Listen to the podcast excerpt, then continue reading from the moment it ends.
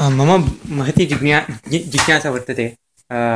काव्यप्रकाशे तथा काव्यमीमांसायां ध्वन्यालोके इत्यादिषु प्रमुख काव्यशास्त्रग्रन्थेषु। मुख्यरीत्या कः वादः दत्तः कीदृशाः विषयाः प्रतिपादिताः मुख्यसारांशः कः इति। तत्र वदामि। प्रथमतस्तावत् ध्वन्यालोकः तत्र ग्राह्यः ध्वन्यालोकेषु एतेषु ग्रन्थेषु प्राचीनत्वात्। ध्वन्यालोकः काश्मीरदेशजेन आनन्दवर्धनाख्येन पण्डितेन विरचितः। सः प्रायः क्रिस्तशक नवम बभूव इति वदन्ति। मुक्ताकणः शिवस्वामी कविरानन्दवर्धनः प्रथां रत्नाकरश्चादात् साम्राज्ये अवन्तिवर्मणः इति पद्यं राजतरङ्गिण्यां दृश्यते। अयम् अवन्तिवर्मा नवमशतकस्य उत्तरार्धे कश्मीरान् शशास इति ऐतिहासिकाः वदन्ति तस्यैव आस्थाने। अयम् आनन्दवर्धनः। कविरानन्दवर्धनः इति कविरूपेण सः तत्र वीरराजा इति वक्तुं शक्नुमः। तत्र तस्य कवित्वे कारणानि, बहूनि, काव्यानि अभवन्। किन्तु तानि न उपलभ्यन्ते। तदीयं देवीशतकं तु लभ्यते। देव्या स्वप्नोद्गमादिष्ट देवीशतकसंज्ञया इति सः स्वयं तत्र वदति। स्वप्ने दृष्टा देवी तं शशास एवं काव्यं रचयितुम्, अतः देवीशतकं सः रचयामास तत्र शब्दालङ्कारप्राधान्यं दृश्यते देवीशतके तदनन्तरमपि तेन प्राकृतभाषायां विषमबाणलीला इति काव्यं विरचितमिति ज्ञायते। दुन्यालोके एव तच्छ्लोकानाम् उदाहृतत्वात्। एवम् अर्जुनचरितम् इति तद्विषये तेन संस्कृतभाषायां महाकाव्यं रचितम् इत्यपि ज्ञायते दार्शनिकान्यपि पुस्तकानि सः रचयामास इति अभिनवगुप्तस्य वचोभ्यः ज्ञायते। एवं विद्वत्कविः अयम् आनन्दवर्धनः। अलङ्कारशास्त्रे अतीव मुख्यं स्थानम् अलङ्करोति कस्मादिति चेत् तावत्पर्यन्तं काव्यशोभायाः विषये याः चिन्तनाः प्रावर्तन्त। ताः शोभायाः स्वरूपं किं, कारणं किम्? इति विचारणायां प्रस्तुतायां। प्रायशः बाह्यानि वा विषयान् सञ्जगृहुः यद्यपि भरतस्य नाट्यशास्त्रे अस्माकम् आदिमे ग्रन्थे काव्यस्य सर्वे अंशाः प्रत्यपाद्यन्त। तत्र अलङ्काराः, शब्दालङ्काराः, अर्थालङ्काराः, रसाः, गुणाः, दोषाः इति बहवः विषयाः नाट्याङ्गत्वेन प्रास्तूयन्त। किन्तु ततः आरभ्य अलङ्कारविषये एव मुख्यतया ग्रन्थकर्तॄणां मनः संलग्नम् आसीत् इति भाति। अन्ये विषयाः तैः प्रतिपादिताः। किन्तु प्राधान्यं तैः अलङ्कारेभ्यो दत्तम्। भामहस्य काव्यालङ्कार नाम्नि ग्रन्थे। एवम् अलङ्काराणां मुख्यतया प्रतिपादनं दृश्यते। एवं दण्डिनः काव्यादर्शेऽपि एकः परिच्छेदः। अलङ्काराणां प्रतिपादनाय रक्षितः।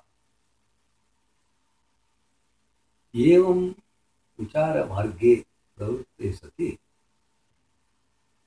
तत्र वामनाख्यः कश्चन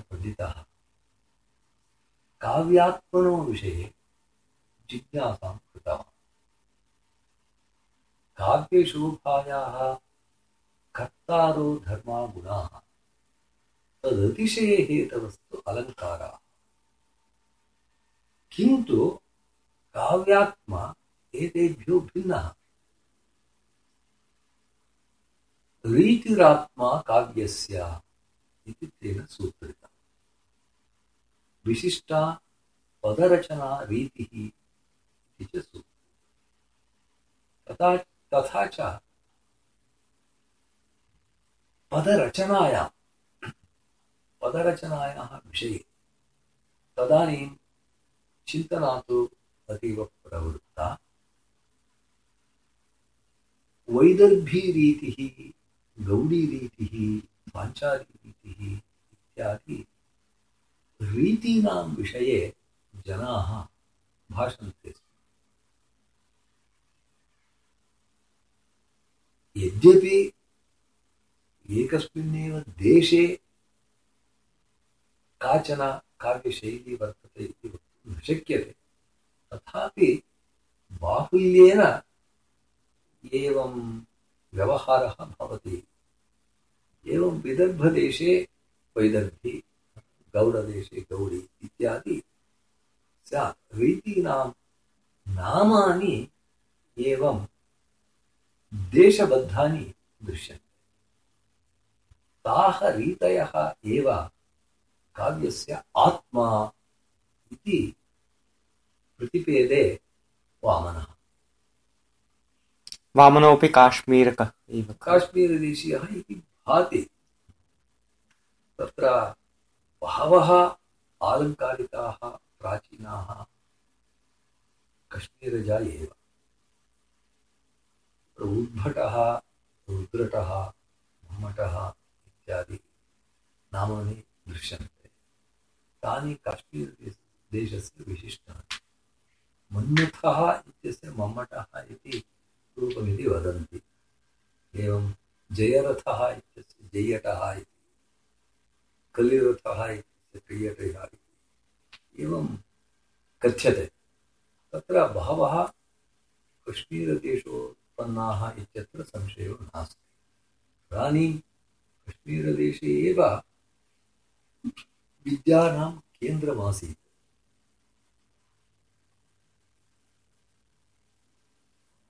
गौडे विद्या शिवश्चोले मन्त्रसिद्धिस्तु केरले कर्णाटे चन्दनाभाग्यं सर्वं काश्मीरमण्डले इति प्राचीनाः वदन्ति स्म। पुनरुक्षितं कृपया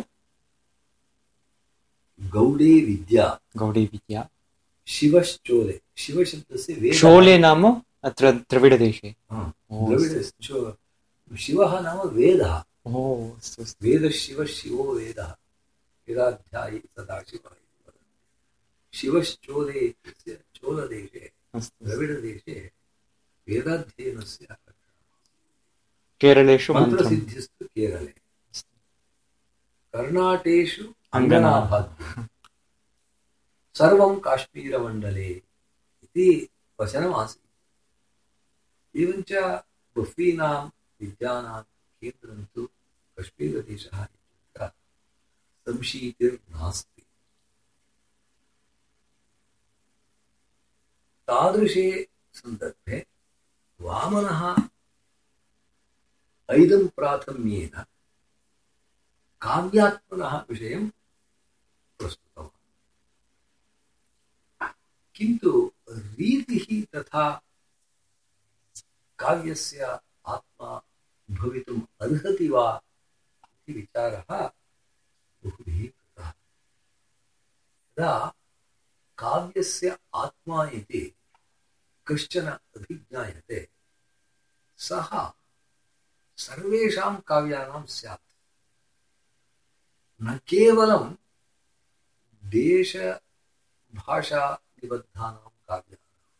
देशभाषानिबद्धानां काव्यानां देशे जनपदे काव्यं तस्य आत्मा कश्चन भवेत्। रीतिः इति विशिष्टा पदरचना रीतिः। तत्र गौड्यां, रीत्यां समासभूयस्त्वं दृश्यते। गौडेष्वक्षरडम्बरः इति बाणोऽपि बभाषे। वैदर्भ्यान्तो समास अल्पीयस्त्वं यथा कालिदासस्य रचनासु एतादृशं वैशिष्ट्यं संस्कृतभाषायां दृश्येत। किन्तु लोके बह्व्यः भाषाः सन्ति यत्र एतादृशविभागः कर्तुं न शक्यते। किन्तु तत्रापि श्रेष्ठानि काव्यानि भवन्ति। अतः काव्यात्मरीतिः भवति इति यदा ब्रूमः तदानीम् अतीव मितत्वं तत्र प्रतिभाति एवं गुणानामेव प्राधान्यम्। अलङ्काराणामेव प्राधान्यं गुणाः नाम पारिभाषिकशब्दो वा अयं? गुणः इति। गुणः इति इदानीं काव्यस्य विषये यदा उच्यते तदा भरतः दशगुणान् उक्तवान्। देशप्रसादसमता माधुर्यं सुकुमारता। अर्थव्यक्तिरुदारत्वं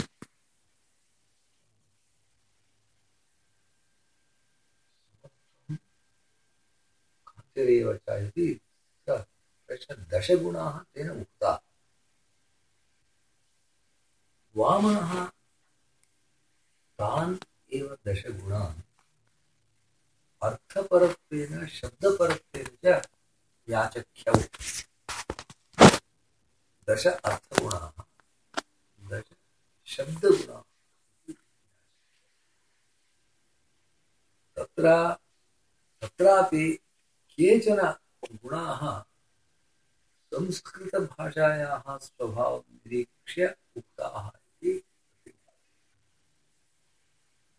आनन्दवर्धनादयस्तु त्रीन् एव गुणान् अङ्गीचक्रुः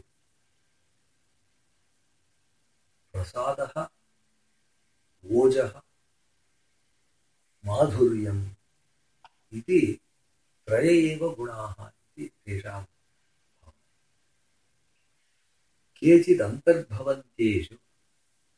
दोषत्यागात् इति अन्येषां गुणानाम् अथवा अन्तर्भावः अथवा परित्यागः तैः उक्तः गुणानाम् अलङ्काराणां च को भेदः इत्यत्र। काव्यप्रकाशे स्पष्टतया निरूपणं दृश्यते।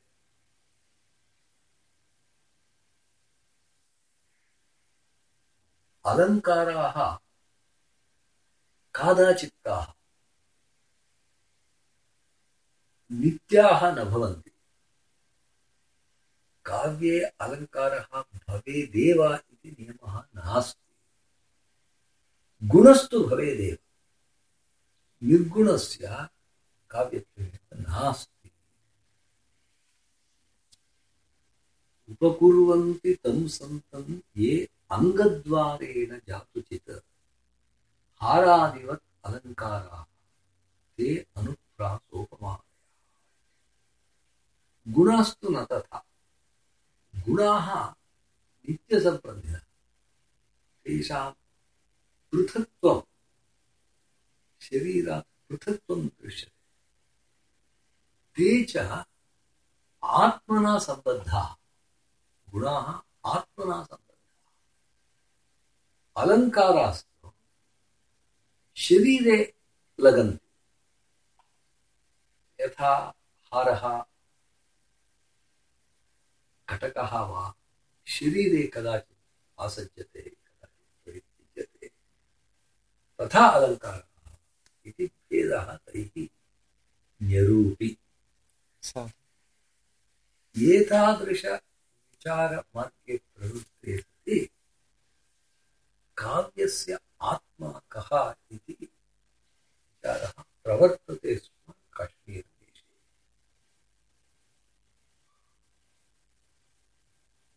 केचन सर्वस्मिन् काव्ये ध्वनिर्नाम कश्चन वर्तते। सः ध्वनिः एव आत्मा। स च ध्वनिः वस्तुरूपः, अलङ्काररूपः, रसरूपो वा भवति वस्तुध्वनिः रसध्वनिः इति ध्वनेः त्रयः प्रभेदाः तेष्वपि रसध्वनिरेव श्रेष्ठः इति के? के के? नाम बभणु प्राचीनाः केचन विद्वांसः बभणुः तेषां नामानि न ज्ञायन्ते। ध्वनेर्विषये ग्रन्थस्तु आनन्दवर्धनेनैव ऐतं प्राथमिकं रचितः। किन्तु सः वदति प्राचीनैरेतदुक्तं तदेव अहं विशदीकरोमि। काव्यस्यात्मा ध्वनिः इति बुधैः यः समाम्नातपूर्वः इति इत्येव ध्वन्यालोकस्य प्रारम्भः। आदिमा कारिका तस्मात् समाम्नातपूर्वः तद्विषये बहूनां विमतिश्च आसीत् तस्याभावं जगदुरपरे भाक्रमाहुस्तमन्ये केचित् वाचां स्थितमविषये तत्त्वमूतुस्तदीयं तेन ब्रूमः सहृदयमनः प्रीतये तत्स्वरूपम् इत्येव प्रथमकार्यम्। एवञ्च एतद्विषये बहूनां विमतिः आसीत्। ध्वनिः इति केव, केवलम् इदं काल्पनिकं तत्त्वं वस्तुतः ध्वनिर्नाम कोऽपि नास्ति इत्येव बहूनां विदुषां विचारः आसीत्। तत्र कश्चन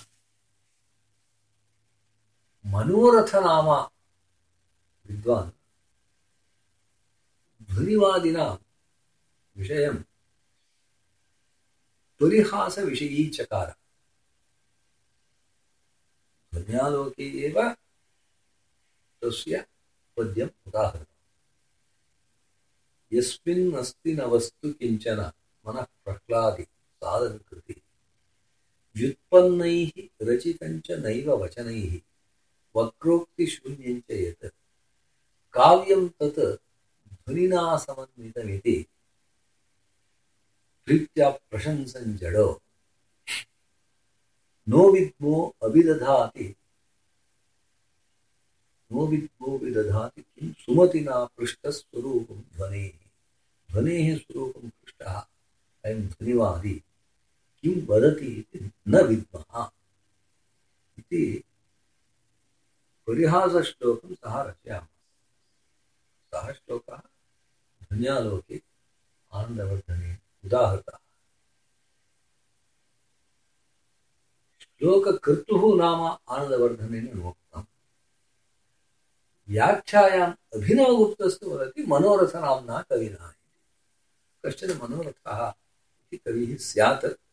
तेन ध्वनिवादिनां विषये एवं परिहासः कृतः स्यात्। एवञ्च काव्यात्मनः विषये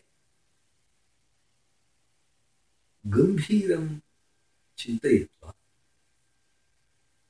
अयं ध्वन्यालोकाख्यः ग्रन्थः आनन्दवर्धनेन व्यरचि तत्र मुख्यतया सर्वान् विरोधिवादान् सः निराकरोति।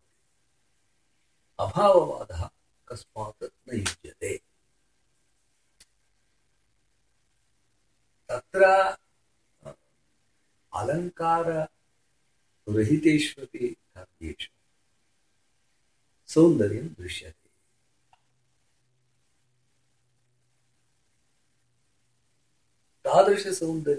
किं कारणम्? यत् कविः स्पष्टं न वदति। अपि तु सहृदयैः ज्ञायते। कश्चन अर्थः सः एव मनोहरतरः। यस्तु अर्थः स्पष्टं कविना कथ्यते। सः सुन्दरः स्यान्नाम। तथापि सहृदयानां मनः प्रीतिः। क्व जायते तेन अनुक्तमपि यदा तेभ्यः तेभ्यः अथवा अर्थः यदा प्रतिभाति तदानीमेव तेषां वस्तुतः आनन्दः जायते। तादृशः एव अर्थः। ध्वनिशब्देन कथ्यते सः प्रतीयमानः अर्थः इति। योऽर्थः सहृदयश्लाघ्यः काव्यात्मी इति वाच्यप्रतीयमानाख्यौ तस्य विना क्वापि प्रतीयमानस्य स्थितिरेव नास्ति। अपेक्षते एव। वाच्यार्थादेव। अन्यः अर्थः प्रतीयते। तत्र सः प्रतीयमानार्थः वाच्यार्थात् भिन्नः भवति। कदाचित् वाच्ये विधिरूपे प्रतीयमानः तद्विरुद्धः कदाचित् निषेधरूपे सति सः विधिरूपः कदाचित् अनुभयरूपः। इति कृत्वा वाच्यार्थः प्रतीयमानार्थः इति एतौ भिन्नौ इति तावत् प्रथमं साधयति। अत्र प्रश्नः अस्ति ध्वनेः व्यङ्ग्यात् को भेदः इति? व्यङ्ग्यार्थः व्यङ्ग्यार्थात् भेदः नास्ति। नास्ति। तत्र ध्वनिशब्दः व्यापकार्थे अनेन प्रयुज्यते। ध्वन्यालोककार्ये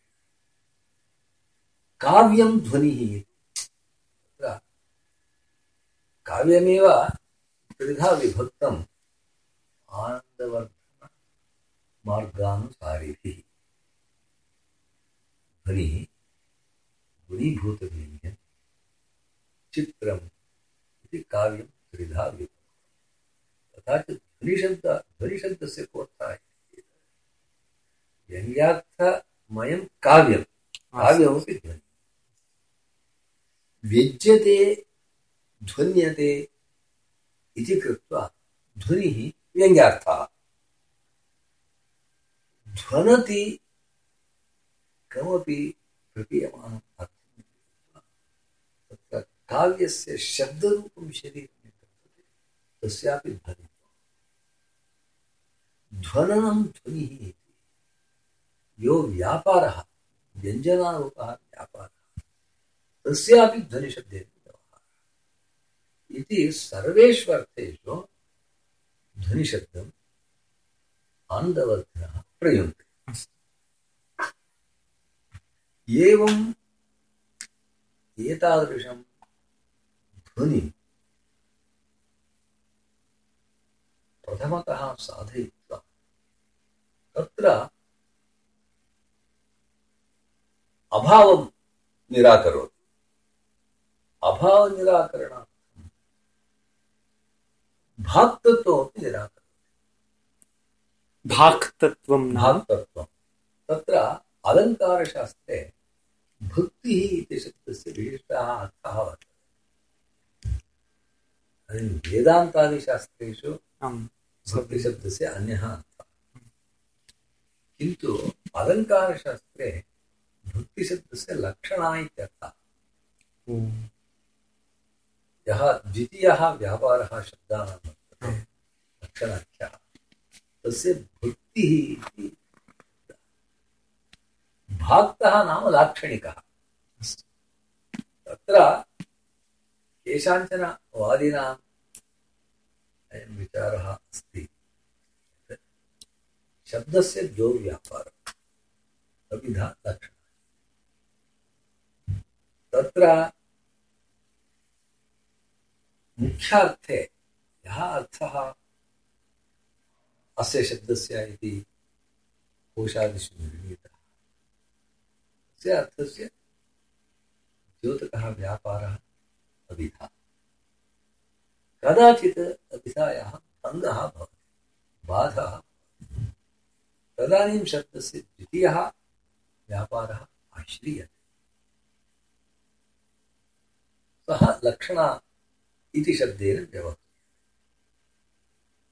लक्षणायाः एव नामान्तरं भक्तिः भाक्तः भाक्तमाहुस्तमन्ये भवद्भिः अन्यः अर्थः प्रतिभाति इति यः उच्यते सः लाक्षणिकः तथा च भवद्भिः ध्वनिः इति न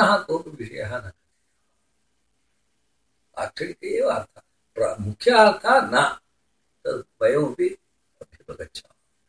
यो न मुख्योऽर्थः, सः द्वैतीयिकः, लाक्षणिकः।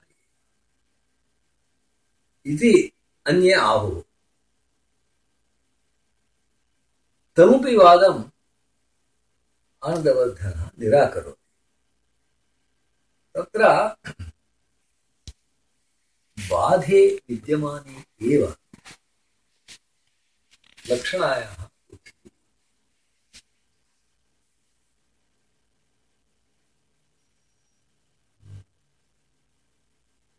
परिम्लानं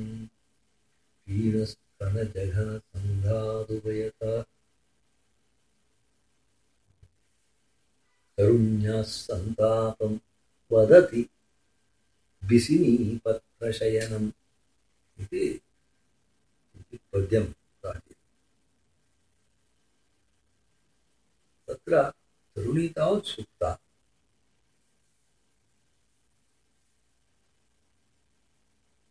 यत्र तस्याः स्तनयोः जघनस्य च संस्पर्शः दृश्यते, तत्र परिम्लानं दृश्यते। मदनज्वरबाधितत्वात् तत्र औष्ण्य औष्ण्याधिक्यम्। अतः तत्र परिम्लानं हम्म। अन्यत्र तु तथा नास्ति। इत्यादिकम् उक्त्वा तरुण्याः सन्तापं वदति इति कविः वदति।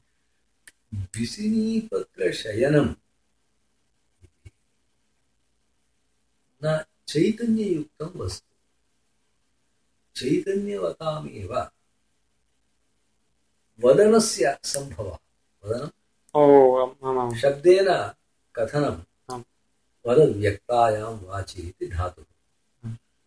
व्यक्ताः वाचः। चेतनस्य तत्रापि मनुष्यस्य सम्भवन्ति शयनं तु तथा वक्तुं न शक्नोति। तथापि तेन कथितं तत् बाधितम् शयनं कथम्। आम् तस्मात् एतादृशात् शयनात् वयं जानीमहे। तरुण्याः सन्तापः तादृशः आसीत् इति जानीमहे।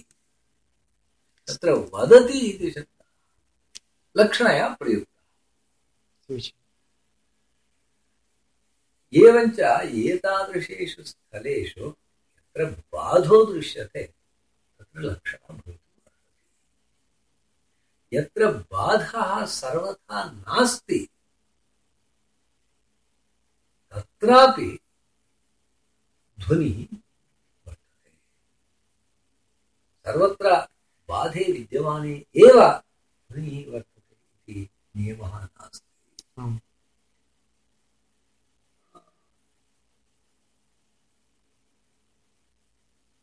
काञ्चित् काञ्चन गौराङ्गी वीक्ष साक्षादिव श्रियम् वरदः संशयापन्नः वक्षस्थलमवैक्षता। इदं धन्यालोके दत्तं, केवलम् अहम् उदाहरणम्। तत्र काञ्च्यां वरदराजः, भगवान् वरदराजः। जलक्रीडायां प्रववृते बह्व्यः नार्यः तस्यां क्रीडायां समासक्ताः आसन्।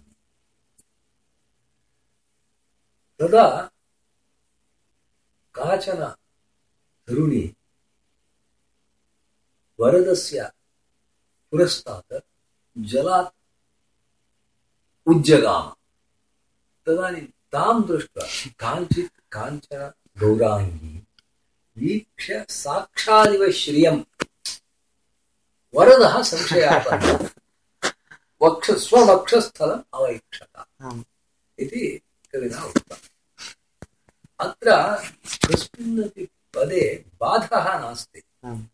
बाधः असङ्गतत्वं तादृशं किमपि नास्ति। वदति बिसिनीपत्रशयनम्। इत्यत्र यथा असम्भवः वर्तते तथा अत्र किमपि किन्तु वरदः संशयापन्नः वक्षस्थलमवैक्षत इति यदा उच्यते तदा सौन्दर्यं सूच्यते नार्याः। तेन तत्र ध्वनिरस्ति कीदृशः संशयः जातः इति? कीदृशः संशयः तस्य जातः? भगवद्वक्षस्थलवासिनी सा एव वक्षस्थलं परित्यज्य जलक्रीडा लोलासति तत्र आगता किं वक्षस्थले सा नास्ति वा इति संशयेन सः ददर् एवम्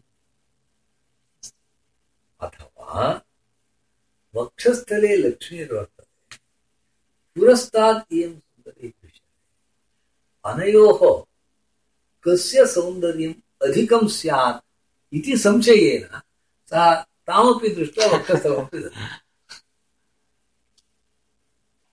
अथवा लक्ष्मीः रूपाभिमानिनी। मत्सदृशी लोके नास्ति इति तस्याः गर्वः। किन्तु येनां दृष्ट्वा तस्याः भावः कः वर्तते इति संशयापन्नः।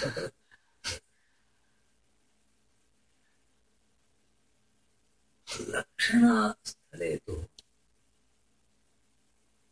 बाधपरिहारः यदा भवति तथा विरामः।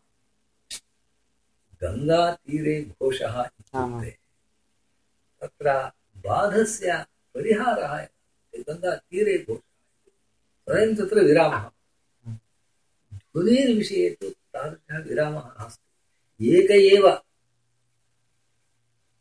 ध्वन्यर्थः, व्यङ्ग्यार्थः इति नियमः अस्ति। व्यञ्जनः नानाविषयान् द्योतयितुं शक्नोति।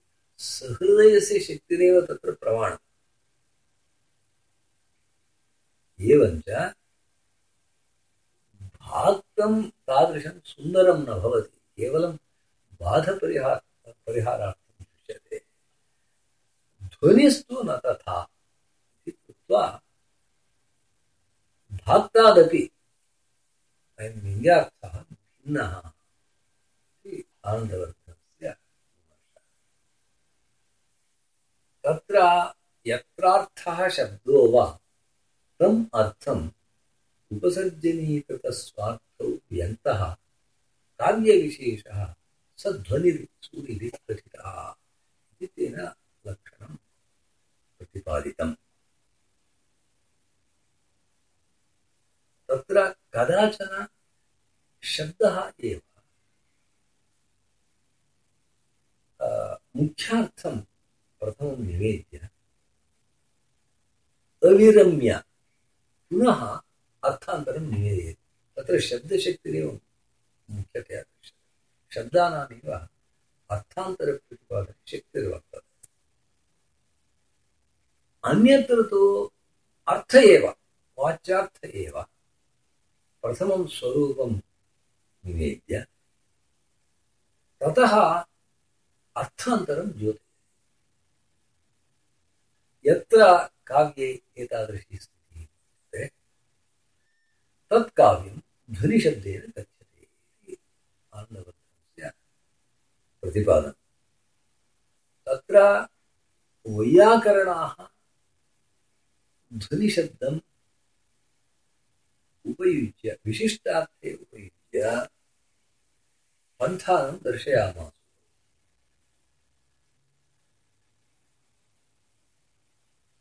शब्दः ध्वनिः। तत्र शब्दः प्रथमं स्वरूपं निवेदयति। ततः अर्थं द्योतयति तादृशं अर्थं स्वीकृत्य ध्वनिशब्दस्य अत्र प्रयोगः। ध्वनिः इति कस्मात् नाम कृतम् इति चेत् तादृशं समाधानं सः व्यक्तीकरोति। एतादृशं काव्यं यत्र तु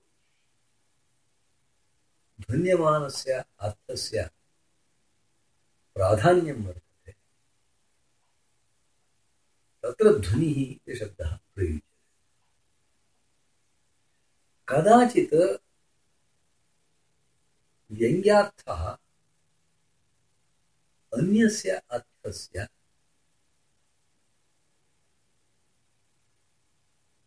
समर्थनं करोति। तथा च अङ्गं भवति। गुणः भवति। गुणीभूतव्यङ्ग्यम् इति तादृशस्य कार्यस्य नाम। बहुत्र स्तोत्रकाव्येषु इयमेव स्थितिः। शृङ्गारं वर्णयति कविः। वात्सल्यं वर्णयति किन्तु अन्ततो गत्वा तत् भक्तौ परिणमयति।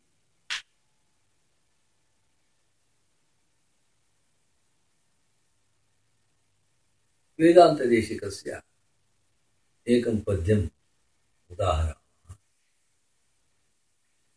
कर्तुं कुम्भे विनीतकरः स्वादुहय्यङ्गवीरम् दृष्ट्वा दामग्रहणचटुलां मातरं जातरूषां। पायात् ईषत् प्रचलितपदः नापगच्छन् न तिष्ठन्। मिच्छागोपः सपदि नयने मीलयन् विश्वगोप्ता। अत्र कृष्णस्य बाललीला वर्णिता यशोदायाः श्रीकृष्णे वात्सल्यम्। श्रीकृष्णस्य मातरि तादृशः भावः।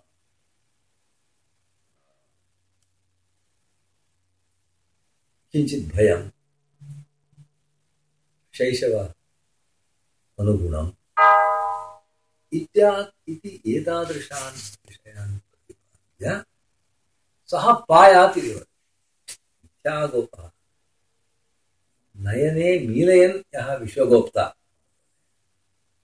सः पाय। अत्र बहवः व्यङ्ग्यार्थाः सन्ति इति सर्वेषां स्पष्टम्।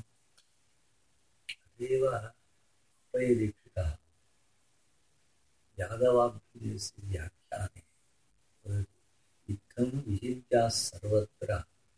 भावाः सन्ति पदे पदे। कवितार्किकसिंहस्य काव्येषु ललितेष्वपि। एवञ्च व्यङ्ग्यार्थाः अत्र बहवः सन्ति। किन्तु ते सर्वेपि सः पायात् इति कथनेन। कर्तुः या भक्तिः वर्तते तत्र गुणीभूता। अन्ये सर्वे भावाः। एतादृशं काव्यं यत्र तु कदाचित् अल्पस्य व्यङ्ग्यार्थस्य सद्भावेपि चमत्कारः केवलेन अलङ्कारेण वर्तते। शब्दालङ्कारेण वा हम्म, अर्थालङ्कारेण वा चमत्कारो जायते। तादृशं काव्यं चित्रमिति कथ्यते। चित्रमिति शब्द एव। चित्रम् अतीव आकर्षकं, वस्तु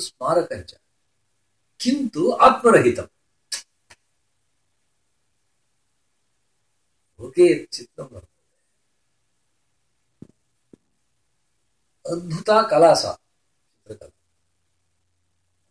तत्र साक्षात् कृष्णे एव दृश्यते इति ब्रूमः चित्रं किन्तु तत्र आत्मा नास्ति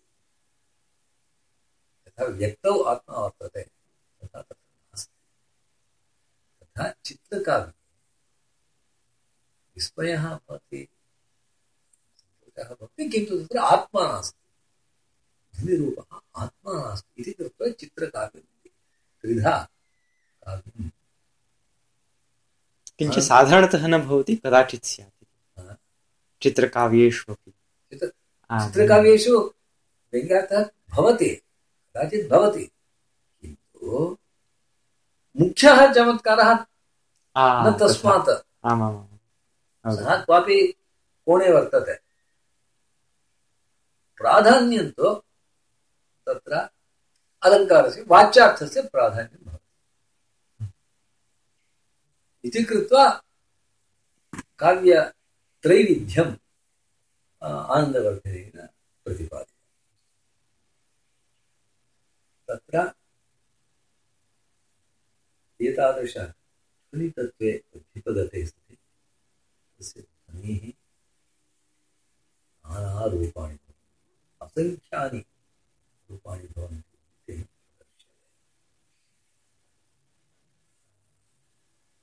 अर्थमूलः ध्वनिः, शब्दमूलः ध्वनिः, उभयमूलः ध्वनिः। इत्यादि सर्वमपि सोदाहरणं तत्र मुख्यतया रसध्वनिः किमर्थमित्येत् रसः कदापि शब्देन न वाच्यः। मम तस्यां सुन्दर्यां शृङ्गारः अजायत इत्यादि कथनं तु दोषायते पारम्परिकं विभावानुभाव विद्यादि संयोगात् रसनिष्पत्तिः भरतमुनेः। विभावाः प्रतिपादनीयाः, अनुभावाः व्यभिचारिणः तेषां संयोगः चित्ते यदा भवति, तदानीं रसानुभवः भवति। रसस्य वाच्यत्वं नास्ति। अतः रसमयेषु काव्येषु ध्वनिशब्दव्यवहारः रसध्वनिः तस्यैव प्राधान्यम् रसस्य तु वाच्यत्वं न सम्भवति। अतः रसप्रधानेषु ध्वनिशब्दव्यवहारः तदेव मुख्यं काव्यं। वस्तुतः वस्तुतः मुख्यं काव्यं किम् इति अन्यत्र लक्षणया काव्यशब्दप्रयोगः यथा वने स्थितस्य जन्तोः सिंहशब्देन व्यवहारः मुख्यतया। कस्मिंश्चित् माणवके सिंहो माणवकः इत्यादि व्यवहारः लक्षणया भवति तथा व्यङ्ग्यार्थरहितेषु रसरू रसरूपिणः व्यङ्ग्यार्थस्य काव्यव्यवहारः यः लाक्षणिकः इति ध्वन्यालोक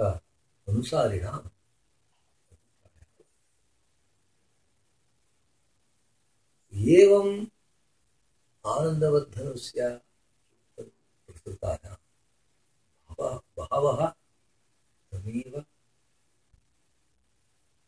अनुसृत्य ग्रन्थान् निबबन्धु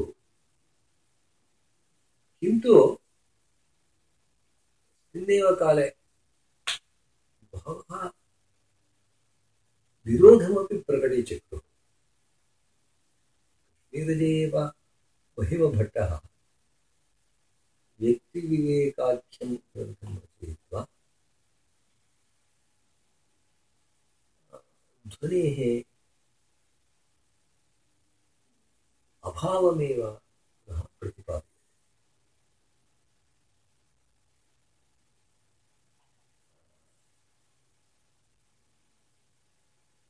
तदनन्तरं मम्मटः स तु आनन्दवर्धनानुसारी तेन काव्यप्रकाशाख्यः ग्रन्थः प्रणीतः तत्र वस्तुतः नूतनं कमपि विषयं सः न प्रतिपादयामास टेक्स्ट् बुक् इति बहवः कथयन्ति। तत्र बहूनां विचाराणाम् एकत्र क्रमेण प्रतिपादनं दृश्यते। व्यक्तिविवेकस्य खण्डनापि तत्र दृश्यते। व्यक्तिविवेककारेण ध्वनिः इति यः कथ्यते, सः अनुमानमेव अन्यत् किमपि न। इति प्रतिपादितम्। अनुमाने अन्तर्भावं सर्वस्यैव ध्वनिः प्रकाशयितुं। व्यक्तिविवेकं कुरुते प्रणम्य महिमा परां वाचम्। प्रतिज्ञा। तस्य विषयान् खण्डयित्वा पुनः ध्वनिं स्थापयितुं मम्मटः प्रयत्नं कृतवान्। तत्र काव्यप्रकाशे प्रथमतः काव्यस्य लक्षणं ततः काव्यत्रैविध्य ततश्च वृत्तीनां प्रतिपादनम् अभिधावृत्तिः लक्षणावृत्तिः, व्यञ्जनावृत्तिः, तिस्रः वृत्तयः किमर्थं काव्यप्रपञ्चे अपेक्षिताः तासां तिसॄणामपि लक्षणानि तेन द्वितीयोल्लासे ततश्च अस्य व्यङ्ग्यार्थस्य वैविध्यं तेन प्रतिपाद्यते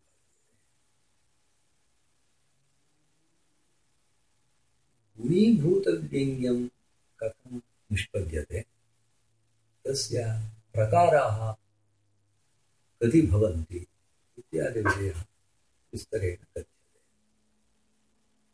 ध्वनेः स्वरूपं किम् तस्य विभागाः के भवन्ति। अर्थान्तरसङ्क्रमितवाच्यः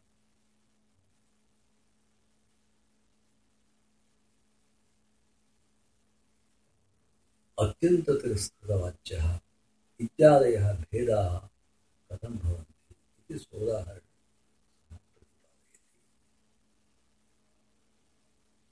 चित्रं काव्यम् इति कथं भवति एतावत् प्रतिपाद्य मुख्यतया दोषाणां प्रतिपादने।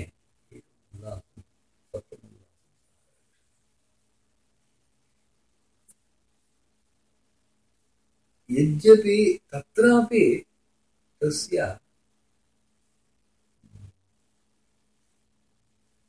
स्वतन्त्र आलोचना नास्ति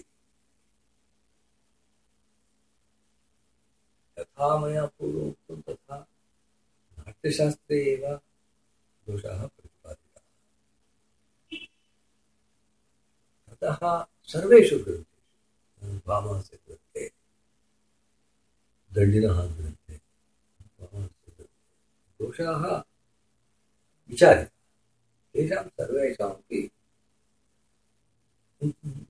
दोषाणां विषये व्यक्तिविवेककारस्य महिम्नः तेन अतीव सूक्ष्मीक्षिकया दोषाः विचारिताः। तत् सर्वमपि सङ्गृह्य अयं मम्मटः दोषाः प्रतिपादयामः। व्यक्तिविवेककारस्तु ध्वनिम् अङ्गीचकार न अङ्गीचकार। किञ्च तादृशः व्यापार एव नास्ति। अनुमानात् जायते अनुमानादेव सर्वं ज्ञायते। तस्य विचारः एवं वर्तते। हम्म, शब्दस्य अविधा नाम एकैव शक्तिः वर्तते। लक्षणा इति या शक्तिः भवद्भिः कथ्यते। सा वस्तुतः अर्थस्य व्यापारः।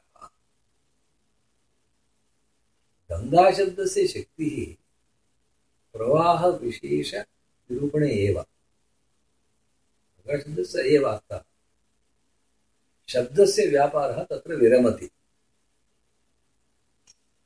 यः अर्थः भवद्भिः ज्ञायते, तस्य अर्थस्य असाङ्गत्यं विचार्य स एव अर्थः मनसि स्थितः। अर्थान्तरम् आक्षिपति। शब्दस्य शक्तिः तत्र नास्ति। लक्षणानां शब्दस्य वृत्तिः न। अर्थस्य अभिधाख्या एकैव शक्तिः इति तेन कथ्यते। एवञ्च इदानीं रसध्वनावपि तदनुसारेण। यत्र एते विभावाः, अनुभावाः विचारिणः तदाधारेण सहृदयः अनुमिनोति। अस्य अत्र प्रीतिः वर्तते। अस्य अत्र कोपः वर्तते। इदानीं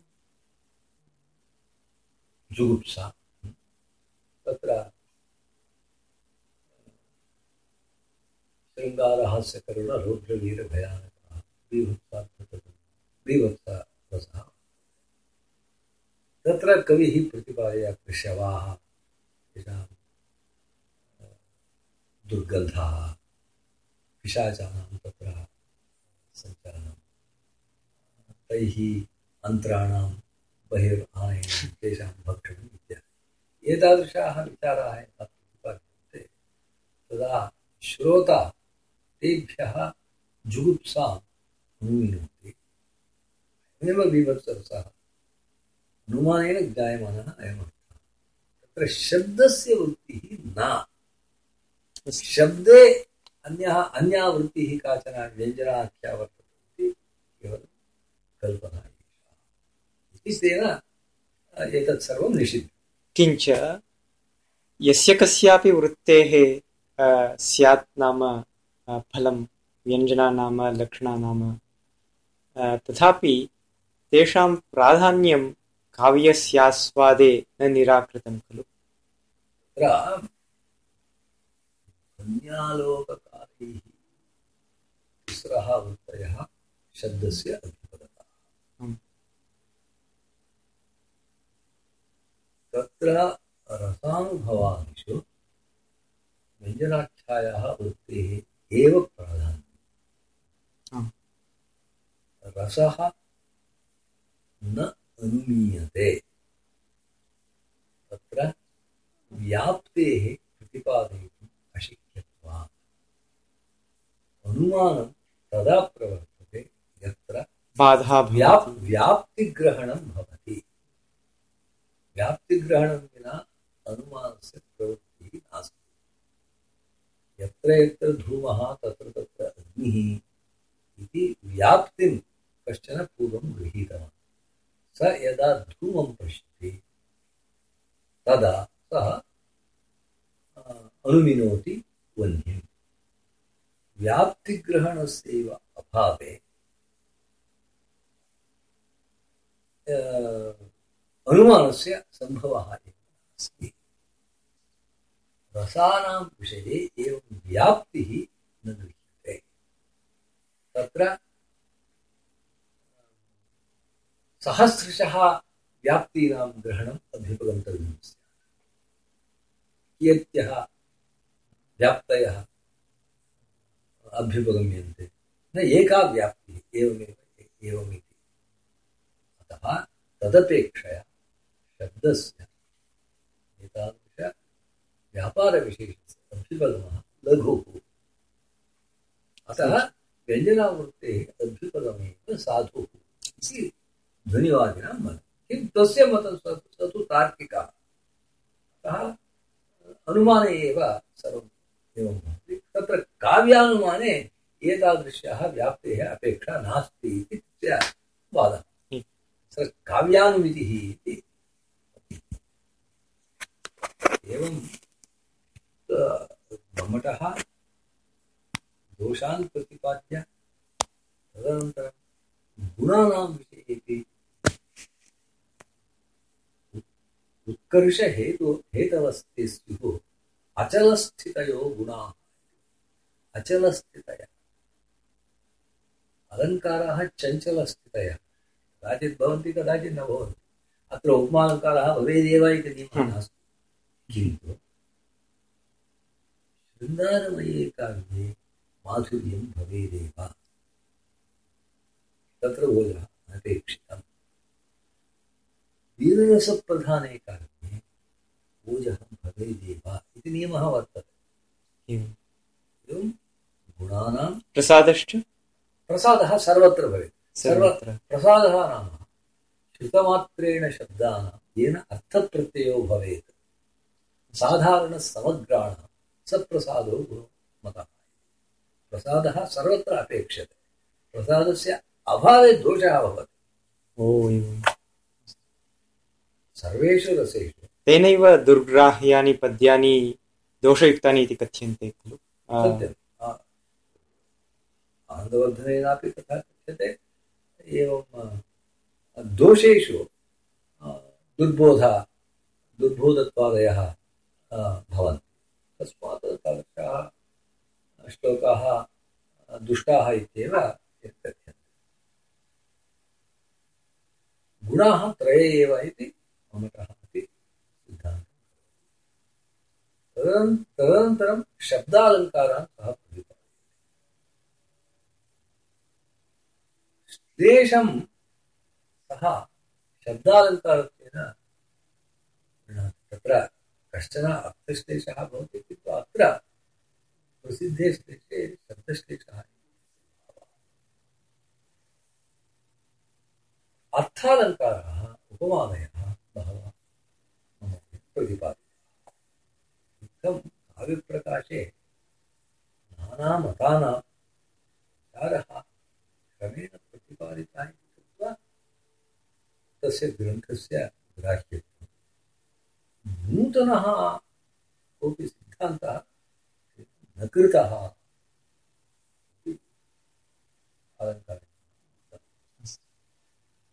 तत्र कुन्तकः नाम कश्चन सोऽपि कश्मीरजे सः व्यङ्ग्यार्थस्य प्राधान्यं तु कविव्यापारस्य प्राधान्यम् इति। कवेः वक्रः, व्यापारः वर्तते। तस्यैव प्राधान्यम् पुनश्च रीति रीति, रीतिरेव काव्यस्यात्मा इति वादिनां स्मारकमिव भाति। न न वक्रोक्तिः इति न रीतिः। रीतिः व्यापारप्राधान्यम् इति कथयन्ति। तत्र कश्चन व्यापारः भवति। विषयादपि येन प्रकारेण तस्य प्रतिपादनं वक्रया शैल्या अवगतम् वक्रोक्तिः इति कथ्यते व्यापारप्राधान्यं च प्रतिपेदे पाश्चिमात्येष्वपि क्षम्यतां पाश्चात्येष्वपि एतादृशः वादः पाश्चिमात्ये शब्दः नास्ति कर्णाटकभाषायां पाश्चात्येष्वपि विद्वत्सु एतादृशः वादः वर्तते तत्र व्यापारस्य प्राधान्यं form. Form is more important content किञ्च रीतिवादिनामपि तादृश्येव स्थितिरासीत् खलु यत्र। व्यापारस्य प्राधान्यम् इति ते न वदन्ति। अपि तु काचन पदरचना वर्तते इति। तत्र रीतिवादिनः व्यापारस्य प्राधान्यं न कथयन्ति। किन्तु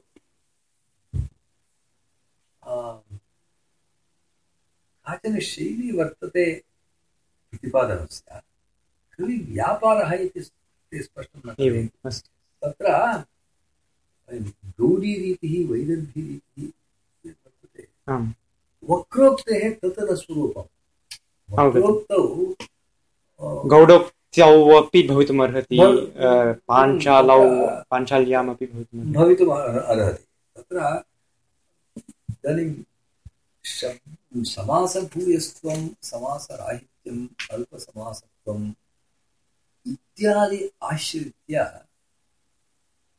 रीतिवादः प्रवर्तते। वक्रोक्तिवादे तथा नास्ति। तेन वाक्यवक्रोक्तिः, पदवक्रोक्तिः इत्यादि तस्य मार्गे एव भिन्नः। कुन्तकस्य मार्गे वक्रोक्तिः नाम खलु व्यापारविशेषः व्यापारे तादृश तादृशः वक्रिमा भवति इति सिद्धान्तः।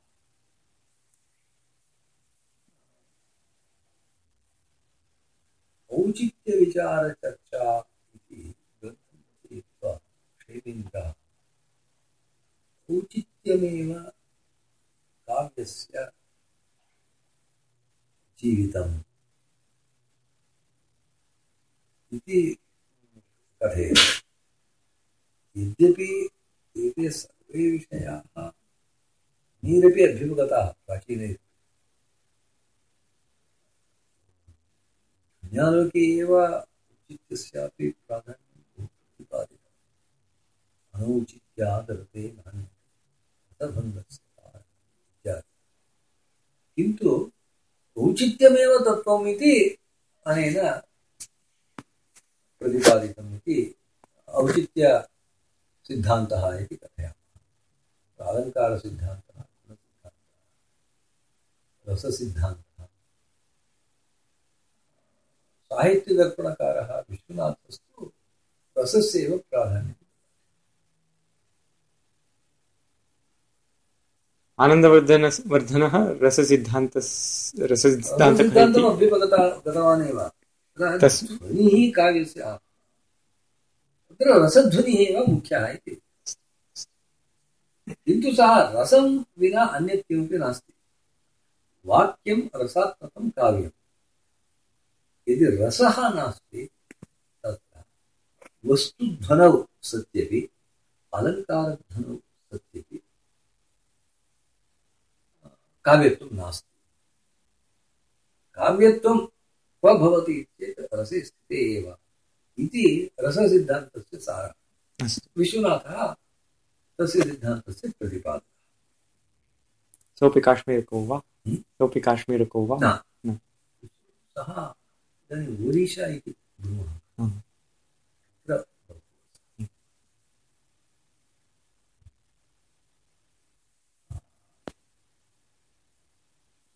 जगन्नाथस्तु जगन्नाथः इति क्षम्यतां। काव्यमीमांसायां किं कथितं?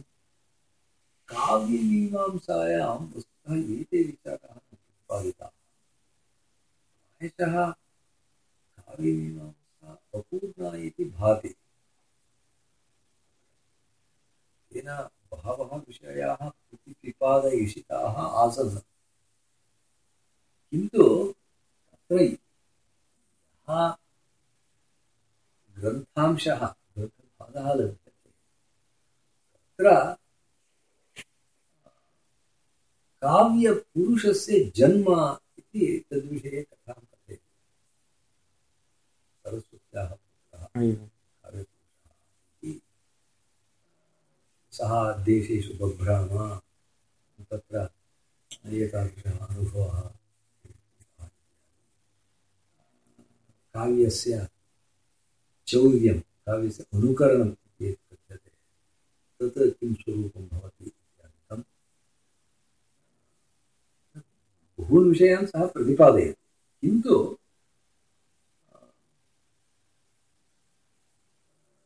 यथा काव्यप्रकाशे भिन्नालोके वा विचारः क्रियते तथा तथा न। किन्तु सः अतीव मुख्यः ग्रन्थः। तेन अन्ये विषयाः प्रतिपादिताः। एते अन्ये विषयाः राजशेखरेण राजशेखरः सः अपि न काश्मीरः सः मध्यदेशीयः। एवं।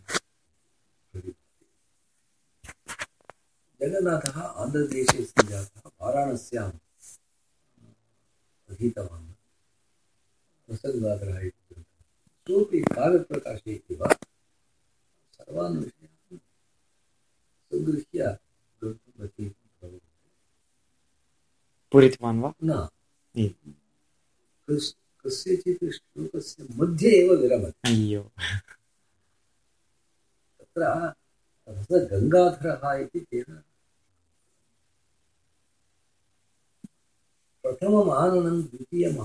इति न गङ्गाधरस्य शिवस्य पञ्च आननानि पञ्चमुखा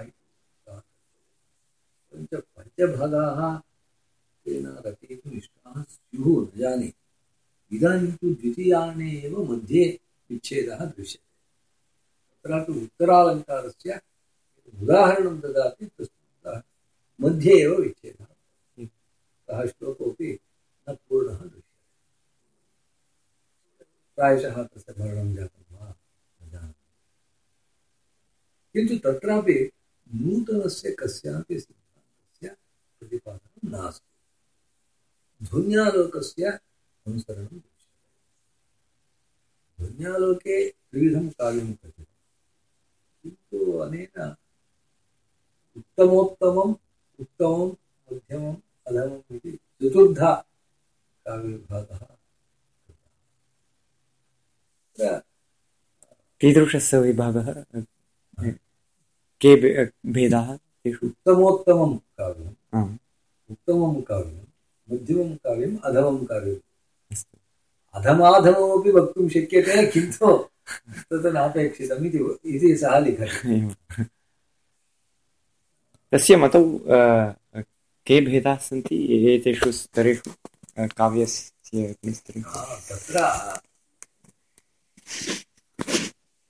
उत्तमोत्तमम् इति यत् कथ्यते चेत् सः ध्वनिशब्देन यत् कथ्यते तदेव उत्तमोत्तमम् उत्तमम् इति गुणीभूतव्यङ्ग्यम् अस्तु मध्यमम् इति अलङ्कारप्रधानं चित्रमिति यत् कथ्यते किन्तु चित्रमयेपि काव्ये महान् चमत्कारः वर्तते तस्य अधमत्वं नोचितम् बहुभिः महाकविभिः तस्य अनुसरणात् सहृदयैः चर्यमाणत्वाच्च अधमत्वं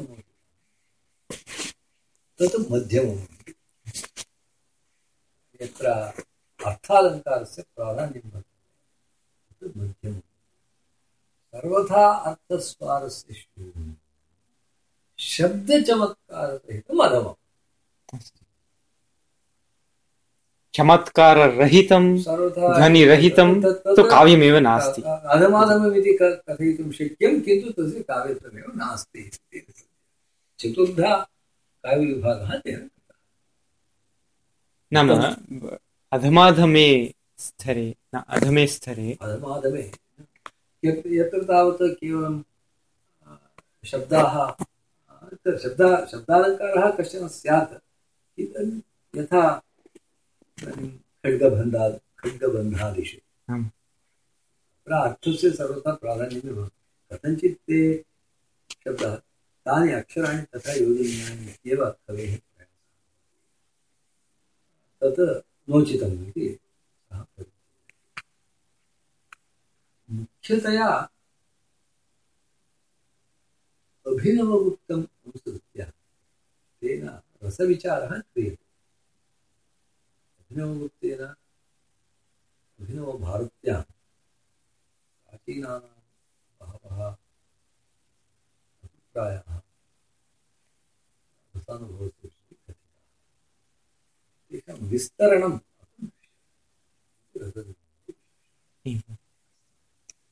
किञ्च काव्यमीमांसायाम् एतेभ्यः पृथक् किमुक्तमिति? तत्र कवयः प्राचीनान् विषयान् आश्रित्यापि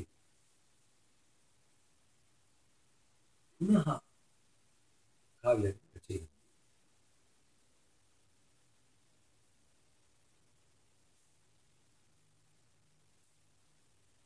तदा तत्र अनुकरणं भवति। अनुकरणस्य कियन्तः भेदाः भवन्ति। प्रायशः अष्टचत्वारिंशत् वा भेदाः तेन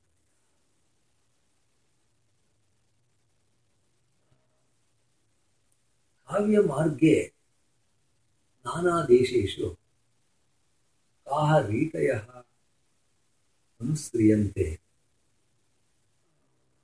तत्र अस्य काव्यपुरुषस्य तस्य स्वागतं कथं कृतं इत्यादि।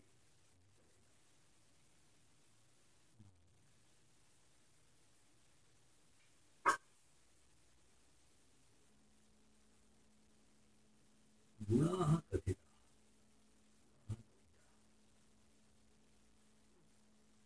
तत्सर्वं प्रायशः प्रथमभागे आगच्छति। अन्ये भागाः न न दृश्यन्ते। तत्र नाम मुख्यं तु तत्र अनुकरण अनुकरणप्रभेदाः। तद्विहाय एवं प्रथम आदौ तावत् अस्य जन्म काव्यपुरुषस्य जन्म विस्तरेण कथारूपेण कथितम् परन्तु तत्र तत्त्वस्य विचारः नास्ति। तत्त्वस्य कथा कथा सा रमणीया वा अथवा कथा रमणीया इति न तत्र सरस्वत्याः रूपेण अयं बभूव।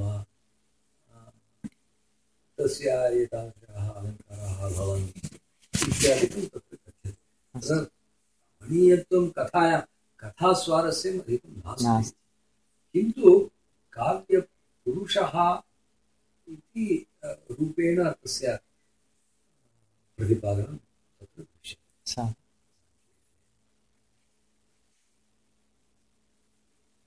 अस्तु आ, महान् उपकारः कृतः भवता मम तथा अनुग्रहः।